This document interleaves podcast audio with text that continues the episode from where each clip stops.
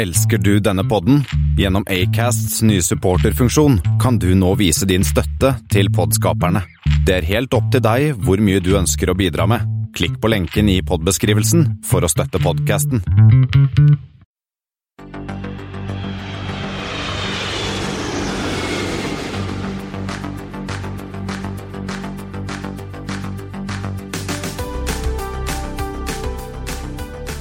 Hei og velkommen om bord på flight 63, som denne gangen skal se på noen nye ruter til kongeriket. Et flyselskap som er solgt, og noen andre som er til salgs. Flere selskaper har kommet med kvartalstall, og det ser mørkt ut for flere av dem. Det har blitt 15. mai, og sammen med meg, Christian Kamhaug, har jeg som vanlig Thomas Lone. Og Espen Næss. Og alle vi har nå tatt fri fra 17. mai-forberedelsene. Vi har strøket skjortene våre og pusset skoene, og vi er klar for 17. mai på fredag. Og nå skal vi nerde litt en trekvarters tid om fly med deg som lytter på oss. Det ser vi frem Det blir koselig. Eh, Thomas, du eh, hadde en liten ting du skulle si før vi tar flight 63? Yes, bare takk alle de som støtter oss på Patreon og Vips selvfølgelig. Og så vil jeg minne på at eh, Flypodden er jo å finne på um, eh, Airleap mellom eh, Oslo og Stockholm den 14. juni. Eh, Cirka klokken halv ni på kvelden har vi avgang fra Oslo, det er en fredag. Eh, Så for de som vil, så er det bare å hive seg med. Bestill billetter. Det er ikke noe organisert tur, men vi eh, blir med oss på tur. Vi er vel en seks-syv stykker allerede, og det hadde vært moro hvis vi klarte å fylle opp hele Airleap-maskinen. Det hadde vært fint. Ja, det blir eh, f- Flypodden Air. Det blir bra. Yes. Som vanlig så har vi noen flight 63, Thomas, som du skulle kikke litt på i dag. Ja, i dag starter vi med en ordentlig godbit, uh, syns jeg, da. Eh, Cape Air. eh, de har jo det, IATA-koden 9K, altså 9 kilo. Så flight eh, Cape Air 63, den går fra Boston til Rutland. Er det noe som eh, dere som Hvor er- hvor er det? klarer å gjette hvor det er? Det er i USA. Maine eller noe sånt, eller? Ja, det er nesten Maine. Vi snakker Vermont. Det er ja. en av eh, få flyplasser i Vermont som, eh, som det går til, da. Så det er da Flight 63 fra Cape Air. Så har vi jo British Airways, eh, London Heathrow til Seychellene. Går med en eh, 7879. Og så har vi eh, Lufthansa 63, og den er jo litt morsom, for den går fra Münster Osnabrück til Frankfurt. Okay. Og jeg eh, har faktisk en kollega som er fra Münster, så jeg måtte spørre henne i dag om hun hadde flydd denne ruta. Og hun kunne ikke si om hun hadde flydd Lufthansa 63, men eh, hun kunne i hvert fall si at hun hadde flydd mellom Münster til Frankfurt og videre til Oslo. Og så eh, har vi jo eh, en eh, Jeg vet ikke om den går lenger, som en flight um, AA63, eh, som er Miami til Paris, den er jo blitt kjent pga. at der var jo vår gamle venn Richard Reed tilbake i 2001 som prøvde å eh, antenne en bombe som han hadde gjemt i skoen sin. Eh, altså Richard Reed var jo kjent for, som The Shoe Bomber. Eh, og det er jo hans fortjeneste at vi alle må ta av skoene nå når vi skal ut og fly. Du, den, den går faktisk fortsatt, fordi at jeg ser nå på flightradar, så AA63 er en 777-200 som nå lander i Miami fra Paris om sju minutter. Om sju minutter. Ja, det, utrolig nok. Eh, og det, han eh, hadde altså da en bombe i skoen sin, eh, prøvde å tenne den eh, faktisk med fyrstikk, og, ble oppdaget av en flyvertinne som sa hei, hei, det er ikke lov til å røyke her. Og så sa han nei, jeg skulle slutte med det, prøvde han, å tenne lunta igjen. Og så viste det at en av ulempene med å ha en bombe og lunte i skoen, er jo at den kan jo bli litt fuktig. eh, og heldigvis hadde Richard Reed litt tåfis, så den var såpass fuktig at den ville ikke tenne. Men eh, det hjalp ikke. Han ble jo sittende Han sitter fremdeles i fengsel, tenker jeg. Eh, Kom ikke ut, han. Eh, og vi endra om å ta av skoene når vi er ute på tur. Så takk skal du søren meg ha, Richard, for den. Skal vi gå videre til ukens nyheter? Eh, Det har jo skjedd litt um, denne uka òg. Uh, passasjertallene for både SAS og Norwegian uh, for april kom jo i forrige uke. Og det er jo litt uh, Får du noe vettugt ut av dette, Espen, eller er det litt bingo? Ja, det, eh, for å liksom, hva skal jeg si, se på tendenser og bli litt klokere, så er det jo ikke. For du hadde jo Først og fremst så har du jo påsken, som har jo en veldig stor effekt, som er kanskje ganske positiv for Norwegian, ganske negativ for SAS. Og så hadde du hele den SAS-streiken, som da 80% av den, eller 90% av den, foregikk jo i slutten av april. Sånn at liksom, hva er tendensene, hvem vokser, hvem krymper, er liksom vanskelig å si. SAS hadde jo da en nedgang på, var det en Ja, nå husker jeg ikke engang. Eh, Tosifra antall eh, i reisende og passasjertrafikk, og det sier seg selv, når du ikke flyr, så faller jo den. Men det eneste som kunne se, er at de hadde en veldig bra yield og bra fyllingsgrad på det de fløy, eller bedre enn normalt. Det, men det, det, samme gjaldt Norwegian, som hadde en voldsom økgang, oppgang i yield. Men og så er det sånn, hva av dette skyldes påskeeffekten, og hva dette som skyldes egne forbedringer, og hva som skyldes SAS-streiken, har ikke peiling, men ja, uh, Det er nok mye SAS-streiken, så jeg tror nok at uh, Bjørn Kjos kan jo uh, tenne seg en sigar og, og takke ja, britene i SAS for at jo, disse pengene renner inn, altså. Det kan han absolutt. Men man gir, hva skal jeg si, litt mer data får man jo ut av å se på de tre store flyplassene her i Norden. Eh, hvor da de har egentlig vidt forskjellig eh, utvikling. Og de er forskjellig påvirket av streiken, forskjellig påvirket av sesongsvingningene. Eh, hvis vi da begynner med OSL, som hadde da 2 252 000 passasjerer i april. Det var riktignok en nedgang på 4,3 vel, Det er vel mye streiken. For at det, altså, noen fikk jo reist med Norwegian til uh, skyhøy pris, mens ganske mange valgte jo å droppe det. Mange valgte å droppe det, og så er det også da at påsken for OSL er relativt sett kanskje mer negativ enn for de andre. Kommer litt tilbake til det. Fordi at uh, eh, OSL, eller Oslo og Norge, har jo en ganske stor andel forretningstrafikk. Innenriks da uh, spesielt, og den faller jo veldig bort. Den var jo ned nesten 13% i april, og hvor da la oss si kanskje halvparten er påsken, halvparten er SAS. Eh, mens du opplevde da en utenlandstrafikken steg med 2,3% Og så har du jo sånn ditto til Arlanda. Eh, det er jo alt ned. Der stupte jo innenlandstrafikken med nesten 20% eller 19% og Der har du jo flyskam òg, da. Jo, der har du, liksom, der, der har du SAS-streik, du har flyskam, og du har da påskeeffekten. Slik at uh, passasjerantallet der falt jo, stupte jo med 9 til uh, drøye to millioner passasjerer. Ja, og så henger det altså, litt også med, med liksom, at forskjellen på hvordan Sverige og Norge er litt er at uh, veldig mange nordmenn som skulle reist med SAS i streikeperioden, valgte å ikke reise i det hele tatt fordi at alternativene er så dårlige. Mens i Sverige så har de kanskje valgt istedenfor å ta toget. Ja, du har tatt toget. Så så du og da tenkte jeg at ah, jeg gidder ikke betale de 8900 som Norwegian skal ha for å fly til Malmö. Jeg kan uh, ta toget istedenfor. Jeg kan sette meg i bilen og kjøre.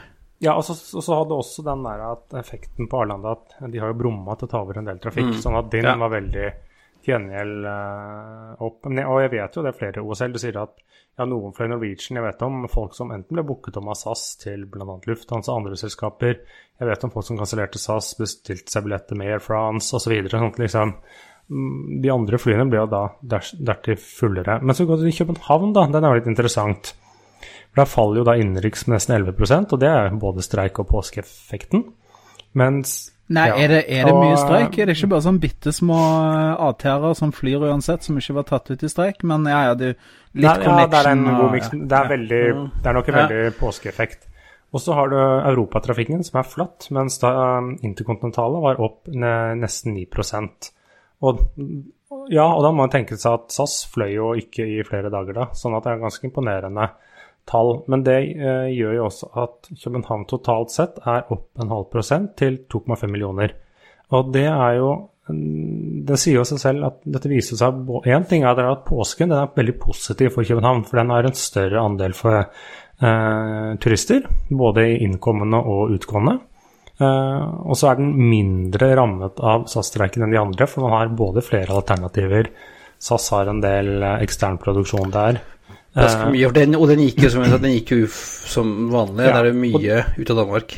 Ja, og så, har de, og så er det liksom Det er mange andre, det er en større andel selskaper. Hvis du ser liksom Unntaket er vel KLM, som er veldig sterke på på Norge. Hvis du ser liksom i København, så ser du liksom på Air France sine, British Airways, um, Lufthansa, Iberia Alle disse har relativt sett større kapasitet på København enn Oslo. De er mindre rammet av streiken. Og så tror jeg ikke danskene heller bryr seg. I, i motsetning til svenskene, så tror jeg ikke de har så mye, flyskam. Det er ikke så mye flyskam i Danmark.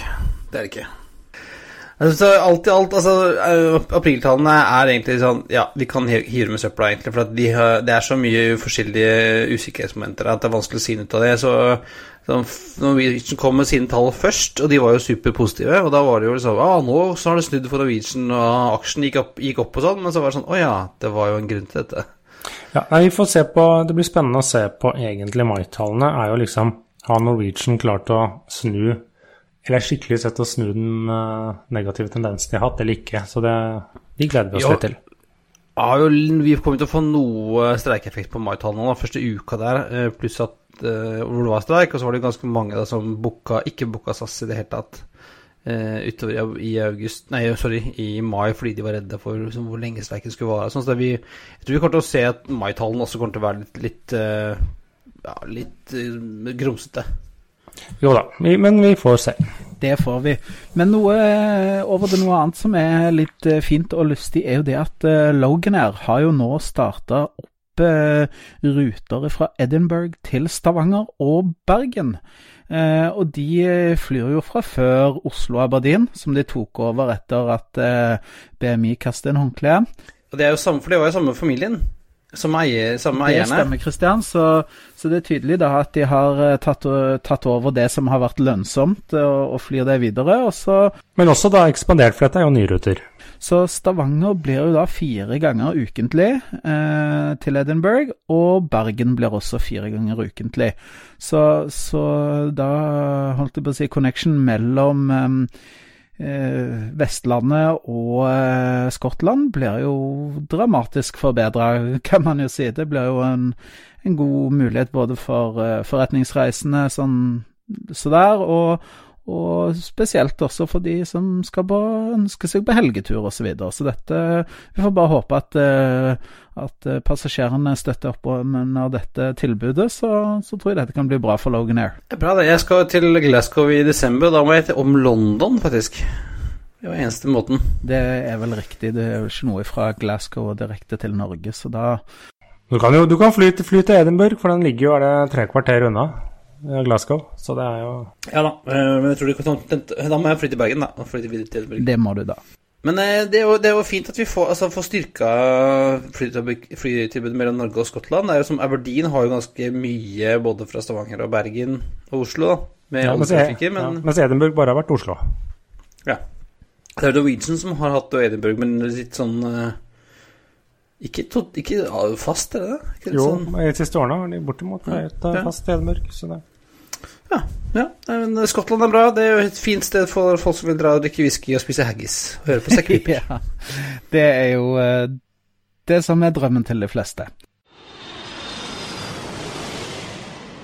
Men det er jo noen eh, andre som har begynt å fly til et land hvor de spiser mye rart. Uh, ja, du tenker på at vi fikk i dag, 15. mai, så kom det jo faktisk eh, endelig den, den uh, mye omtalte direkteruten mellom Norge og Kina. Ja. Så ni hao, Hainan Airlines, kom grisetidlig i dag morges. Ja, den, den, den, var litt sånn, for den, den har jo avgang litt over midnatt, det er lokal tid fra Kina. Og den skal egentlig lande, er det rundt 5.30 på OSL. Men de hadde jo tydeligvis mindre motvind enn de hadde beregna, eller et eller annet. Eh, sånn at eh, de landet da var det 04.40 på Gardermoen. Så jeg liksom håpa at vi de i passkontroll hadde våkna og tollerne hadde stått opp og sånt noe. For det er voldsomt. Det er den tidligste ankomsten på Gardermoen. Eller det er det jo egentlig uansett, og så blir det enda en time tidligere når de da kommer så utrolig tidlig. Er det noe, er det noe tog da som går inn, kommer det fra Gardermoen så tidlig? Ja, det går et eller annet tog fem et Vi starter vel i femtiden. Vy, ja. ja. Så kineserne får kjøpe seg billett på Vy, så kommer de seg inn til Oslo. Det blir jo tre ganger ukentlig. Eh, var det ikke snakk om at den skulle være oftere, egentlig? Um, jo og nei, men nå kommer vi tilbake til det. er jo at det ikke fins flere trafikkrettigheter mellom Skandinavia og Kina. Nå har de brukt opp. Så enten må de reforhandle avtalene seg imellom, eller så må da noen andre hva skal jeg si, miste sine. det stemmer. Jeg, jeg, trodde, trodde, vel kanskje det var mulighet for inntil fire ganger ukelig. Ukentlig. At de nå hadde 20 rundturer, og så er det 21. Men ja, det er vel eh, litt sånn hipp som happ. Men eh, ja, det er vi får bare ønske Hainan eh, lykke til, og det er jo eh, en spenstig åpning. Det har jo ikke vært så mye markedsføring av ruta i Norge, men eh, det er vel kanskje en del samarbeid med kinesiske reiseselskaper og som fyller en del av kapasiteten her, kan vi jo kanskje tenke oss. Ja, den, den retter seg jo også mye mot det, ja. Og norsk laks gikk visst var det 12-13 tonn, men ut i dag. Riktig, riktig. Men eh, et annet flyselskap som eh, dukker opp eh, et, et, nytt sted, er jo Air Europa. Det er jo kjent for en del av oss, og de er jo, er jo i SkyTeam og et bra flyselskap sånn sett. De starter nå rute fra Madrid til København og til Stockholm. Og det blir eh, ca. tre ganger i uken eh, til København. Eller det blir vel tre ganger i uken. Tirsdag, ja, tirsdag torsdag og lørdag. Og de starter da 15. juni. Eh, og så er det mm, da trangt om plassen, for det blir jo hele fire selskaper da, som flyr mellom København og Madrid. Det er Ryanair, det er Norwegian, det er Iberia Express, og nå da er Europa. Men for oss som er litt uh, mer enn gjennomsnitt interessert, så kan vi jo si det at Ryanair og Norwegian, hva flyr de med? Jo, de flyr med 737-er. Iberia Express kommer vel med noe CRJ-er, men Nei, nei, nei, Iberia Express de har 320 og 321. Express er jo lavpris... Eller et av IAG sine flere lavprisselskaper. Jo, men, men er ikke det de som også har noe serie, og var det ikke? Nei, det er Nordstrøm. Ja, okay, Nordstrøm. Ja, men uansett, da. Poenget mitt er fortsatt gyldig, og det er jo det at uh, Air Europa har én stor fordel, uh, Espen. De flyr med uh, widebody. Ja, det skulle jo egentlig fløyet med Dreamliner faktisk på København, men så ble det 330 istedenfor. Og det er gøy. Jeg tror det er vel Nå kan dere arrestere meg, gutta, men jeg tror at dette er, i tillegg til Etiopien, kanskje den eneste widebody på intraeuropeisk i Skandinavia. Ja, og Greenlander, da, selvfølgelig. Ja, Som ikke er charter, så tror ja. jeg det er det. For tidligere så hadde du jo BA som fløy eh, Stockholm-London med, med 767, men den jo, den er jo borte. Ja, nei, jeg tror ikke det er andre eh, på vanlig rutetrafikk eh, lenger.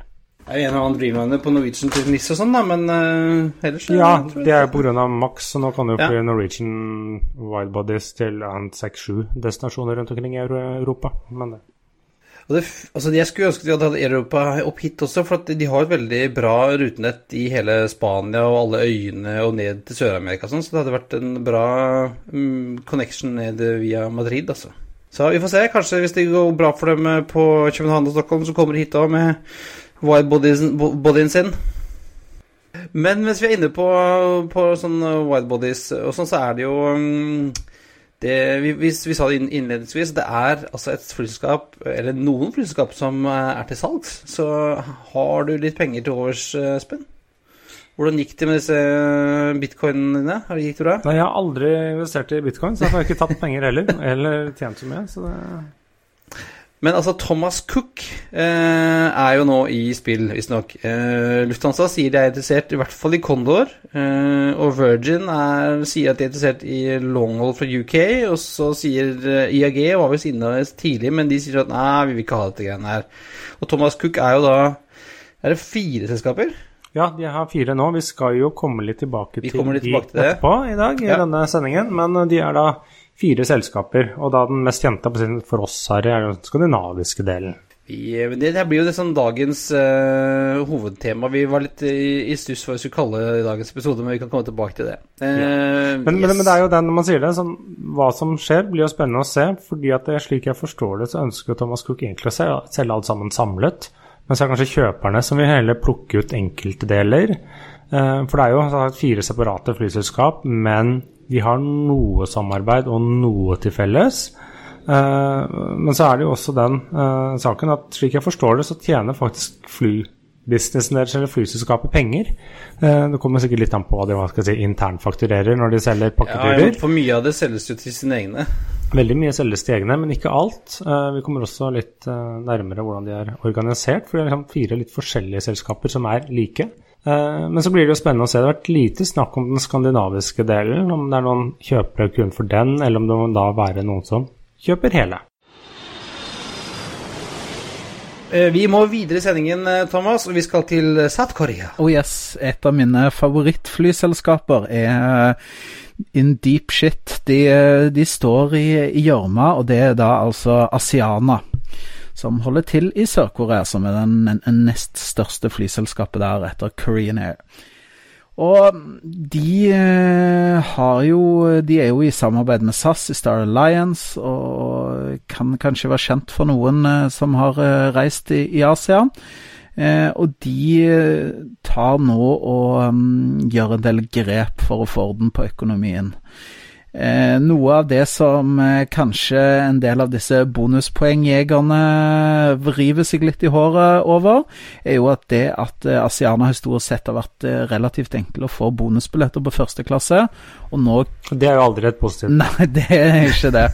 Eh, og nå kutter de altså ut hele første klasse. Eh, de kutter ruter som er mm, Det har vel ikke kommet ut hvilke ruter som skal kuttes, men, men eh, det, det, er i hvert fall sagt at det skal kuttes ruter. De pensjonerer en del gamle fly. De har jo noe 747-er og litt sånn som så de flyr rundt med, som, som begynner å drasse på årene. Og um, de tar sikte på å få levert nye A350-er og 321 Neoer da, som planlagt, som skal erstatte en del av disse aldrende flyene. Men det er klart, eh, Asiana har hatt noen tunge år. De, de gikk jo bra. Det, liksom litt sånn Starten på denne nedoverbakken var jo denne Triple Seven som, som forulykka utenfor San Francisco. Og, og, etter det så har det liksom vært, eh, det har vært mye oppoverbakke. og de, de, har slitt med kostnadene. De får ikke passasjerene eh, fulgt opp eh, til en god nok pris, så, så det er jo liksom Ja. Jo, men samtidig, altså, altså, jeg har sett litt inn på det. Asiana sine problemer de er fullt løsbare. Og de gikk jo, sånn Det som er der nå, da, de har slitt litt med likviditeten, og de har slitt litt med en del De hatt mye sånn tap for enten var det valuta eller drivstoffhedging, fordi at de gikk, var det i fjor, så gikk de faktisk med et sånn operasjonelt overskudd. Eh, men det er liksom alt annet rundt, og så er det en eier som ikke har nok penger, disse Kumo Group, som eier ja de, en, ja, de eier en, tredjedel av Asiana, og de har også sagt de ønsker å selge sitt. Så dette, dette er eh, Det kommer sikkert til å bli solgt til en av disse industrifamiliene i, eh, i ja, en, av de, an, en av de andre industrifamiliene. Kumo er også sånn der, kan, sånn ja, Kumo er veldig sånn lillebror av de, men et av de store. Så dette er dette kommer til å løse seg. Men det er godt å høre, så slipper vi å ta åpne konkurshjørnet for, for Asiana sin del. Det er jo fint. Det er et selskap som jeg liker. Men eh, det er andre også som eh, melder om dårlige nyheter, eh, Espen. Hvis vi ser nedover til den arabiske gulf? Dårlig og dårlig, alt er relativt. Men denne gangen er det Emirates som presenterte sine årsresultater. De har et regnskapsår som slutter i 31. Uh, mars, som er jo litt, uh, litt, annerledes enn hva man er vant til her. Eller SAS har jo veldig rart regnskapsår. Uh, og de rapporterte da fortsatt et overskudd. Og vi skal tenke på dette er 31. året på rad de går med overskudd. Så det er jo ikke Det er jo en solid drevet selskap, men ser man på liksom Bra barbert, da. Bra barbert. Man kan si at totalt sett for gruppen hadde 44% lavere overskudd i fjor. Uh, og da skyldes det at liksom, selve flyselskapet de hadde, var ned med 70% Og det er jo de som øker, det merker at de har økt drivstoffkostnader. De har uh, valutaen mot seg, som alle flyselskapene som ikke er amerikanske i disse dager. Eh, og samt også økt konkurranse drar ned. Så de vil jo også ta noen grep der, både for liksom, det si, se litt på struktur og ruter, men også de kommer bl.a. med Premium Economy er det i 2020, eller sånn. Eh, eh, og tar noen eh, ja, grep der. Mens si, overskuddet på flyselskapet i seg selv var jo 232 millioner dollar, sånn 2 milliarder kroner. Eh, som da som sagt, var inne på det var ned 70% mens da de har et handlingsselskap, Denata, de tjente jo 394 millioner eh, dollar. Ja, så det er god del. de solgte jo en stor uh, klump Ja, det- av HRG. jo, så Det forklarer bare en, tredje, en fjerdedel av det. Men det er sånn at man sier at eh, eh, handling er en sånn low margin business og litt dårlig, men uh, Emirates tjener jo veldig bra penger på dette. men, de, men er ikke Nata er ikke de overalt, liksom? Jo, et, er det ikke de som SAS handler SAS i, på Heathrow? Mm, jo, tror jeg. Eh, og det, altså jeg som eh, jobber i eh, low margin business, vet jeg at eh, det er greit å ha lav margin hvis du bare selger innmari mye. Volum, volum, volum. Volum, volum, volum, vet du. Så Ja, men det er jo tydelig at, at nå også det begynner å, å crunche for eh, Emirates. Altså, det, selv ikke de liker jo oljepriser som eh, lukter på 80-tallet. Men de utbetaler utbytte til eierne, så da Ja, så, og det, det setter jo litt av øh, de er subsidiert. For det første er det bare tull og tøys, men de, de betaler da faktisk et utbytte på en halv milliard dollar til sine eiere. Sånn at det er jo en øh, grei business for dem også. Yes, eh, vi går videre i regnskapstallene, Q1-tallene, Espen. eh, Vi fortsetter på det. ja. Vi går til IAG. IAG. De har også Det er sånn jevnt over. Dette er for deres første kvartal, da, og vi husker vi hadde i forrige sending vi har snakket om Air France KLM, vi har snakket om Lufthansa. Og på IAG så ser vi egentlig akkurat det samme. Eh, Det vil si at de er en av få grupper som tjente penger i første kvartal, men det pleier de å gjøre. Eh, Eller pleier og pleier, de gjorde det iallfall året før, men de tjente jo da 60% lavere enn en i fjor.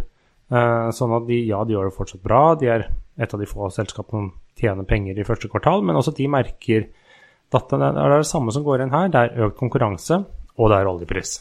Sånn, er det noe, sånn noe forskjell på selskapene i AG? BA har vel gjort det sånn jevnt over ganske bra lenge.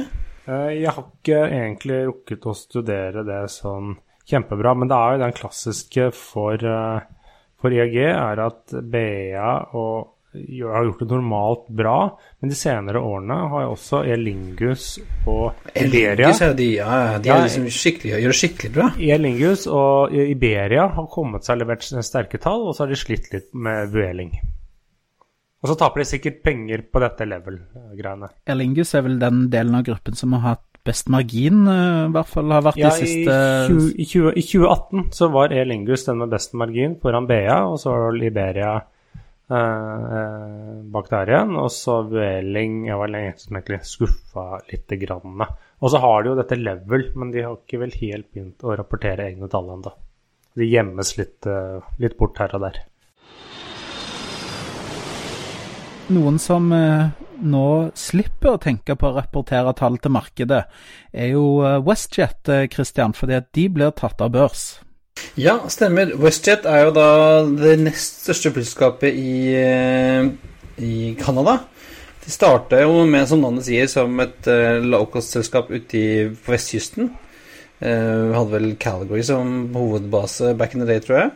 Uh, var jo også en Her var jo David Nealman, han var jo inni her også. Vår venn fra JetBlue og Moxie og andre, andre suksesser.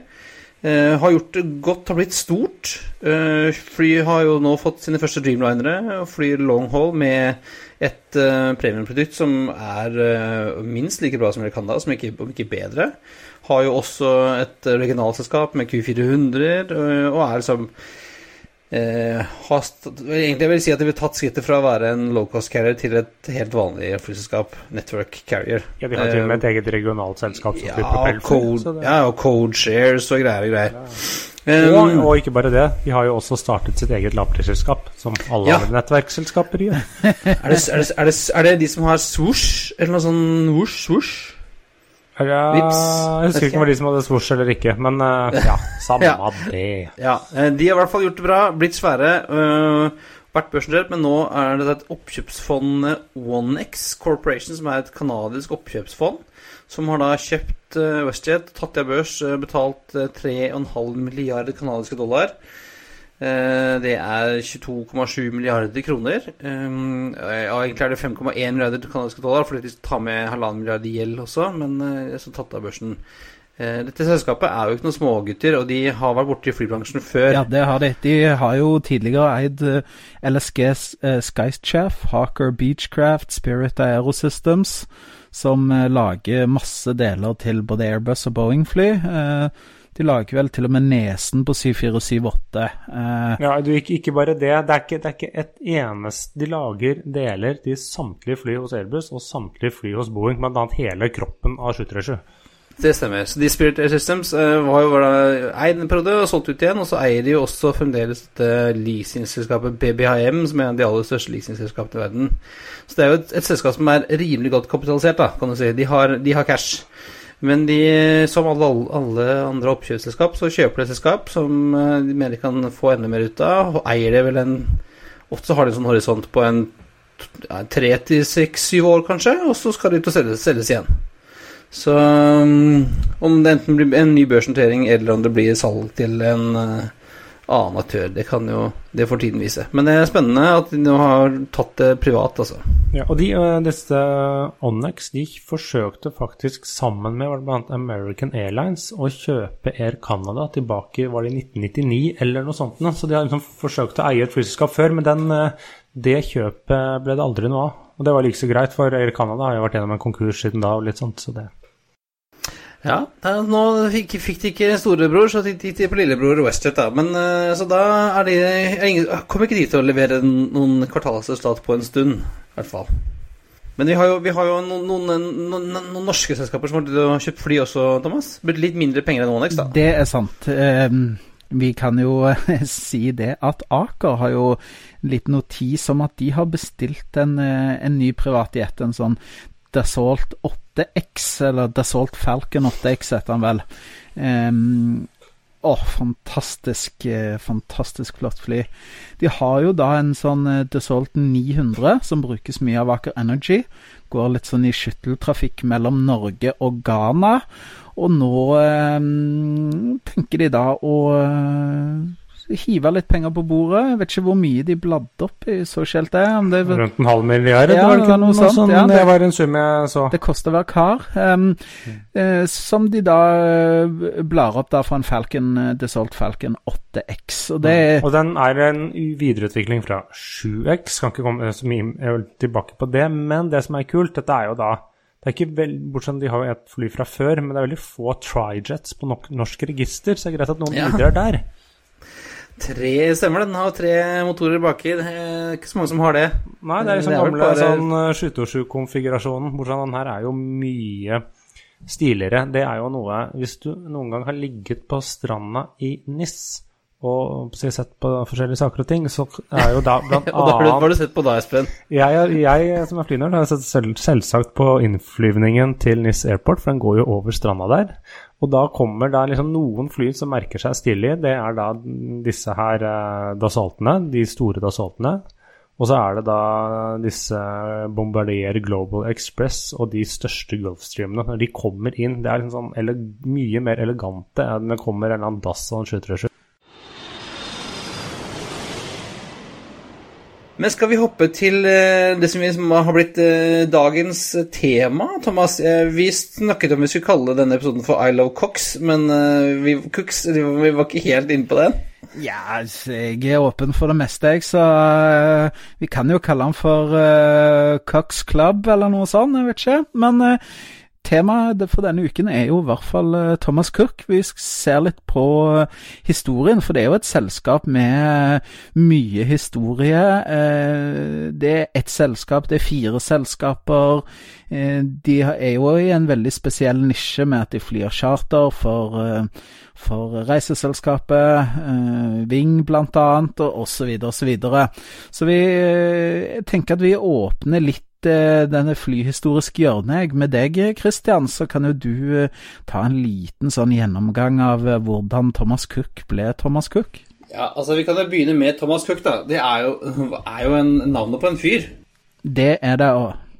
Thomas Cook han ble født i 1808 i England og døde i 1892. Og grunnleggeren av verdens første reisebyrå.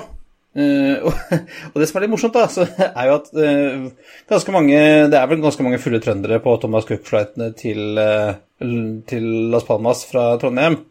Men Thomas Cook begynte altså som selskapsreiser for avholdsfolk i 1841. Det får han si. Tror du han snur seg i graven? Ja, det vil jeg tro. Eh, holdt eh, på, altså Det var familieeid reisebyrå. Holdt på mye med sånne mm, organiserte selskapsreiser for eh, avholdsfolk. Eh, 1872 organiserte han verdens første selskapsreise jorden rundt.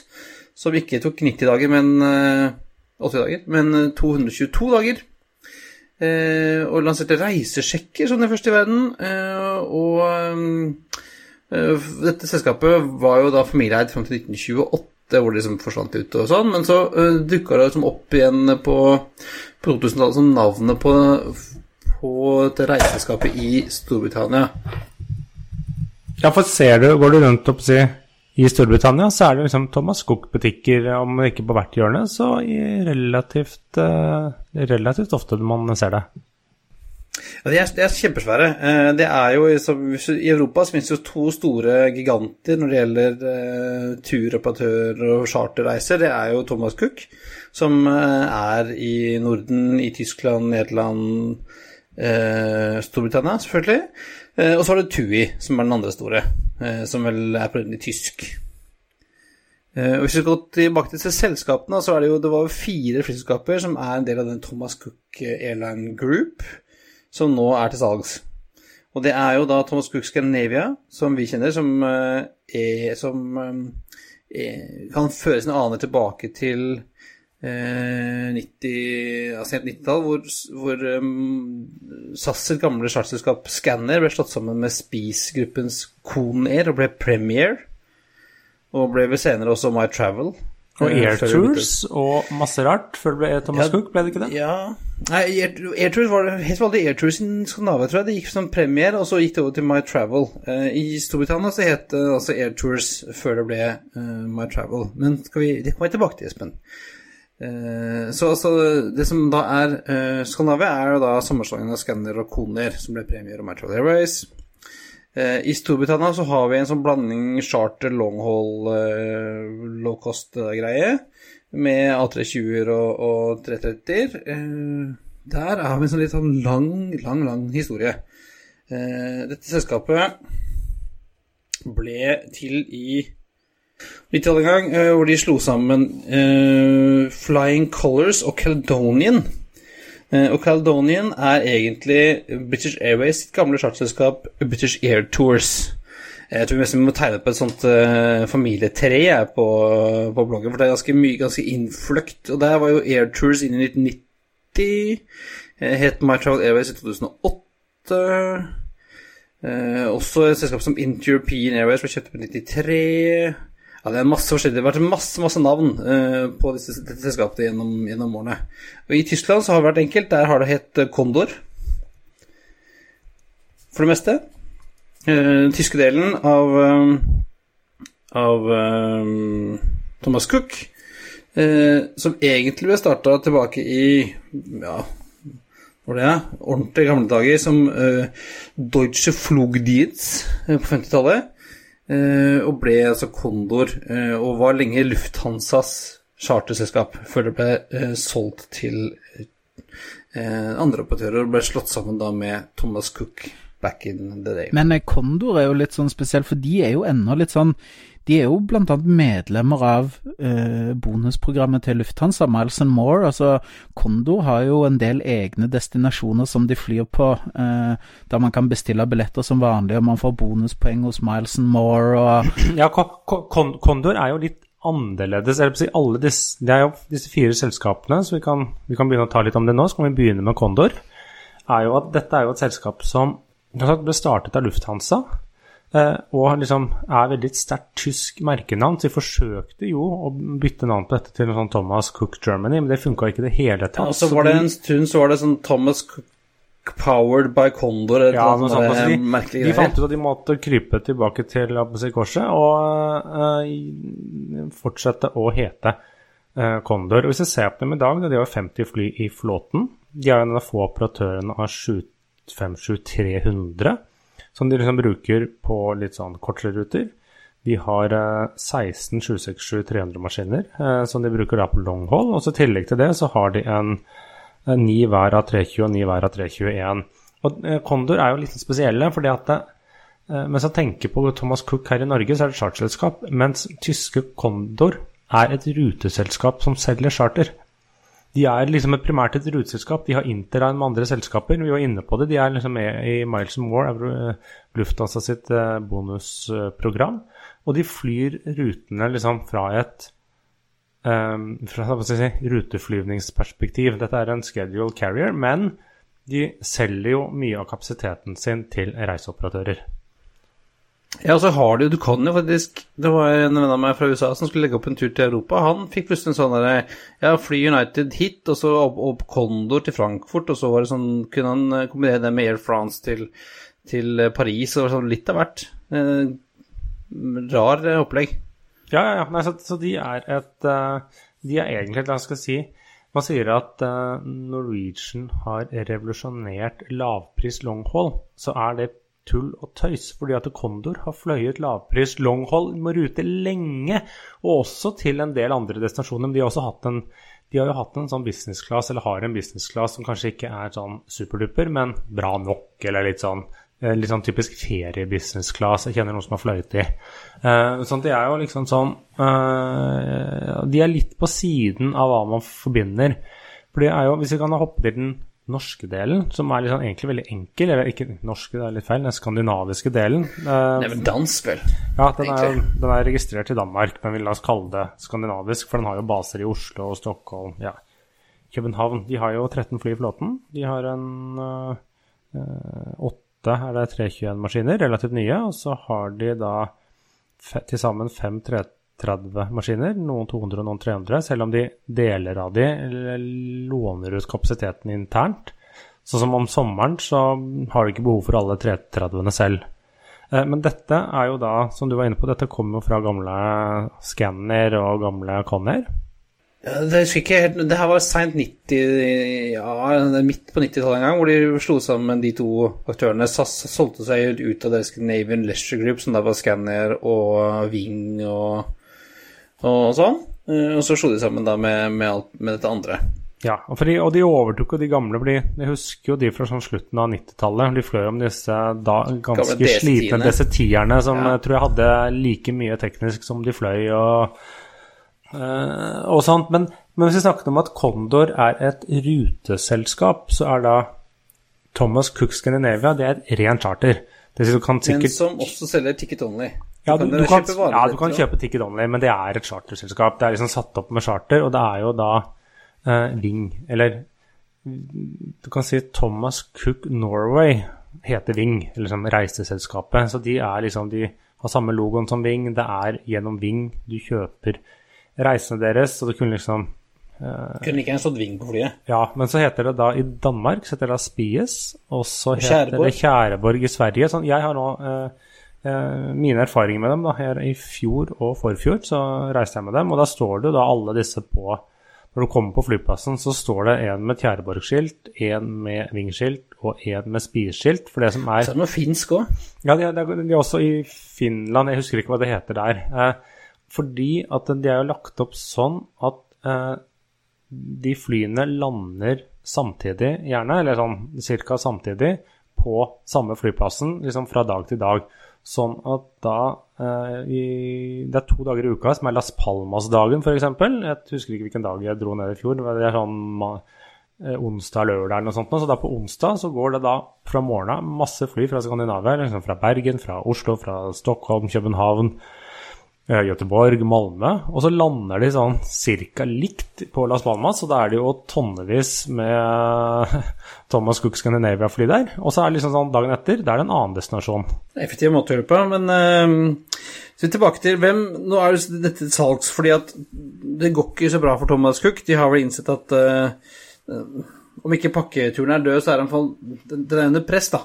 Ja, og de, de har slitt litt med hele si, opplegget sitt. og og det de egentlig har slitt med, det er jo liksom problemene deres er jo da at de må etter hvert uh, kjøpe litt nye fly, og de må liksom skaffe penger til det. Uh, og de må liksom snu rundt denne hva skal jeg si, tradisjonelle reisebyrådelen sin. fordi at det, Slik jeg forstår det, så tjener de faktisk penger på flydriften. Og det har jo store verdier der, fordi de sitter på en del gode slotts eh, innad i konsernet, bl.a. en del britiske flyplasser. De sitter på gode slotts i Skandinavia, og de sliter på gode slotts i Frankfurt og München. eh, sånn det er jo en del, eh, del verdier her. Og som sagt, De har jo også begynt å gjøre noen grep. sånn at Tidligere så var det noe som het Thomas Cook Belgium, og det ble solgt eller gitt bort eller tatt over, eller hvem vet hva det er, til Brussel Airlines. Ja, det stemmer. Eh, og så lagde de også sånn at de har et fjerde selskap som vi ikke er inne på, det er Thomas Cook Balearic. Eh, og Balearene er jo liksom eh, Det er Mallorca og de øyene der. Og de flyr Det er vel en sånn slags SAS Ireland-historie, er det ikke ja, det? det er sånn som flyr fra, ja, med basen sin på Palma, og liksom flyr for Thomas Cook, men på et spansk AOC. Så sikkert for å, å spare litt penger der. Men de er jo ikke så veldig store, da. De har uh, um, Balearics har jo da uh, seks A320-er. Uh, Nei, de er den, det minste, han sagt, det er litt sånn inhouse uh, produksjonsselskap. ja, og de, de er jo faktisk bare halvannet år gamle. Ble starta i oktober uh, 2017, så det er jo ja, relativt nyoppstarta i forhold til de andre selskapene i Thomas Cook-gruppen. Og nå, nå har vi jo snakket mye om den uh, skandinaviske og den uh, tyske delen, og så har de også den britiske, som også er ganske store, med 40 fly. Uh, mesteparten av de er jo uh, 321-maskiner, over 30 av de, og de, de, de er litt sånn De er et, mer et klassisk charterselskap, i hvert fall innen Europa, men så selger de da ruter, uh, schedule tickets, som det heter på godt norsk, på long haul og liksom charter. Så de er liksom Mens den skandinaviske er et rent charterselskap, så er den britiske et charterselskap som også selger eh, lavprisbilletter. Litt sånn som Monark Monarch gjorde fram til de gikk på trynet. Eh, Selv om Monarch gikk jo hele veien over og gikk, og gikk liksom for det meste over på, på rute, så har jo eh, Thomas Cook fremdeles mye av den egenproduksjonen. Akkurat litt sånn, litt, litt sånn som Tuifly. Ja, og de har litt sånn der, litt sånn, Hvis du ser på destinasjonene deres, da, så er det jo en sånn god miks. De har liksom disse fra England, da. Det er mye fra Manchester og er det Gatwick, Glasgow. Så er det litt sånn klassiske feriedestinasjoner hvor de selger pakker til. Det er litt sånn Cancún, Varadero, flere sånne karibiske øyer, noe Florida. Men så flyr de også liksom til er det Boston og JFK. Ja, ja, ja. Men altså, det er klart. Klart det. Så det er, og som vi var inne på i, i tidligere her, så er det også um, flere som er ute og, og snuser på å kjøpe uh, i hvert fall deler av denne, denne butikken. Eh, mest interesse har det vært for, Kon for Condor, som Lufthansa er sånn Det er jo helt klart Lufthansa vil ha det her tilbake. De hadde, eide jo en stund, uh, uh, og det er jo mye synergier der. Så jeg tror at Lufthansa vil jo helt klart ha Condor. Eh, passer bra med deres personer. Kan sikkert gå inn i Eurowings for den saks skyld. Men jeg er jo ikke interessert i Thomas Cook i UK, f.eks. Ja, men det er jo litt sånn Ja, hvis Lufthansa kjøper det Condor er jo kanskje Lufthansa sin største konkurrent. Så hva vil Konkurransetilsynet i Tyskland si til det? For de har Condor Condor har to si, arm, armer, som de fleste. De har liksom deres long haul, som er delvis konkurrerende og delvis komplementerende til Lufthansa. Og så er jo de veldig en stor aktør som frakter tyskere til Middelhavet. Ja, men tror du ikke Tyskland At de fikk jo kjøpe Air Berlin, eh, så Ja, de kjøpte en del av Air Berlin som var konkurs, men her er det jo et selskap som lever i egentlig beste velgående. Ja, hvem andre skulle på det vært? EasyJet, kanskje? Ja, eller kanskje ikke finner en kjøper, rett og slett. Eh, Thomas Cook eh, i UK er jo da Virgin har jo sagt at de vil ha dette. Eh, passer jo også godt inn i Virgin, som både har sin egen turoperatørdel i Virgin Holidays og sin egen long haul-person, som flyr jo til en del av de samme destinasjonene i Karibien og sånn, Ja, men sånn- ikke, ikke, ikke short. Ja, for Deler av Virgin sitt eh, ligner jo litt fra De har liksom alle businessrutene fra Heathrow, og så har de liksom fra Manchester, Gatwick og Glasgow og noen sånne ting, hvor de flyr til litt sånn der karibiske øyer og ferie, feriedestinasjoner. Akkurat som Thomas Cook. Men hva med Skandinavia, da? Hvem skal kjøpe øh, den? Hvem, hvem vil eh, være aktuell for, for den? Det går rett inn i SAS, det. Nei, Det, jeg, det er min det- brannfakkel. Er det er, SAS har jo disse flyene, da. De har ikke A330-200, men eh, de andre har det jo, så Jeg tror, jeg tror ikke SAS er interessert i å drive med den type charter. For det, det, det henger jo sammen litt med Ving, så det kan godt være at de blir værende i konsernet, eller at de eh, Hvis hele Thomas Cook Airline blir solgt, så blir kanskje de, følger de med. Men det kan også være at her ender det fort at et oppkjøpsfond kanskje kjøper det. Kan være at et eller annet noen, de får en delinvestor, for de trenger jo først, og fremst liksom skaffe litt cash. Ikke nødvendigvis at de vil kvitte seg med det, så kanskje de selger sånn 49 i noe sånn Abu Dhabi Investment og, og Sheikh. Så. Ja, ellers så har du jo Jettime, da, som har vokst eh, stort på, på charter, fra, blant annet også for Ving eh, eh, nå. Som kunne jo være en aktuell for å kjøpe opp til å Jet, eh, Jettime holdt jo nylig på å gå konkurs og måtte jo restrukturere alt, så jeg tror ikke de har verken ressurser eller Nei, om de har kanskje de har penger, men jeg, det kunne vært en, en, de kunne vært en bra, en bra match. hva med Strawberry? Den Strawberry Jeg tenker på, på Petter Han eh, kan jo dri- drive flyselskap, tenker jeg. Han vil jo at alle skal komme til Skandinavia og bo på Ja, hotellet det- hans. Han vil ikke sende noen folk på hotellet i utlandet. Nei, det er ok, greit. Ja, det er altså, også problemet er at jeg, at jeg har fløyet Thomas Cook nå et par år, og jeg syns interiøret til eh, Thomas Cook er ganske elegant. Eller det er ok, det er smak, ganske smakfullt og nøytralt. Og hvis han der Strawberry-fyren hadde kjøpt opp og blitt sånne der stygge, røde plysjseter gjennom hele flyet, så nei. Velur, det er fint. Nei, jeg vet ikke. Eh, Vi, vi, vi får bare gjøre som eh, vi alltid. Vi får vente og se. Så kan det jo være at alt blir solgt, og ingenting blir solgt, og kanskje det blir stykket opp og solgt stykkevis og delt. Men eh, nå ser jeg at tiden begynner å renne ifra, så jeg tenker at eh, skal vi sette en strek der for Thomas Cook i denne omgang? Det Vi setter en, en, eh, en strek for Thomassen og Cooken, vi. Det gjør vi. Da um, kan vi si det at det var alt for denne gang. Eh, Det er på tide å feste sikkerhetsbeltene, rette opp setet og sikre at man har fri sikt ut av vinduet, ettersom eh, Flight 63 går inn for landing. Som vanlig så finner du linker til det vi har snakket om i dag på flypodden.no. Du finner oss også på Facebook, på Twitter og Instagram. Har du et spørsmål, ønsker du å inviteres på flytur, ønsker du å sponse oss, har du ris, har du ros, Uansett, noe på hjertet, send oss en mail på hallo at flypodden.no. Da høres vi igjen neste uke. We truly appreciate your business and look forward to serving you on a future flight.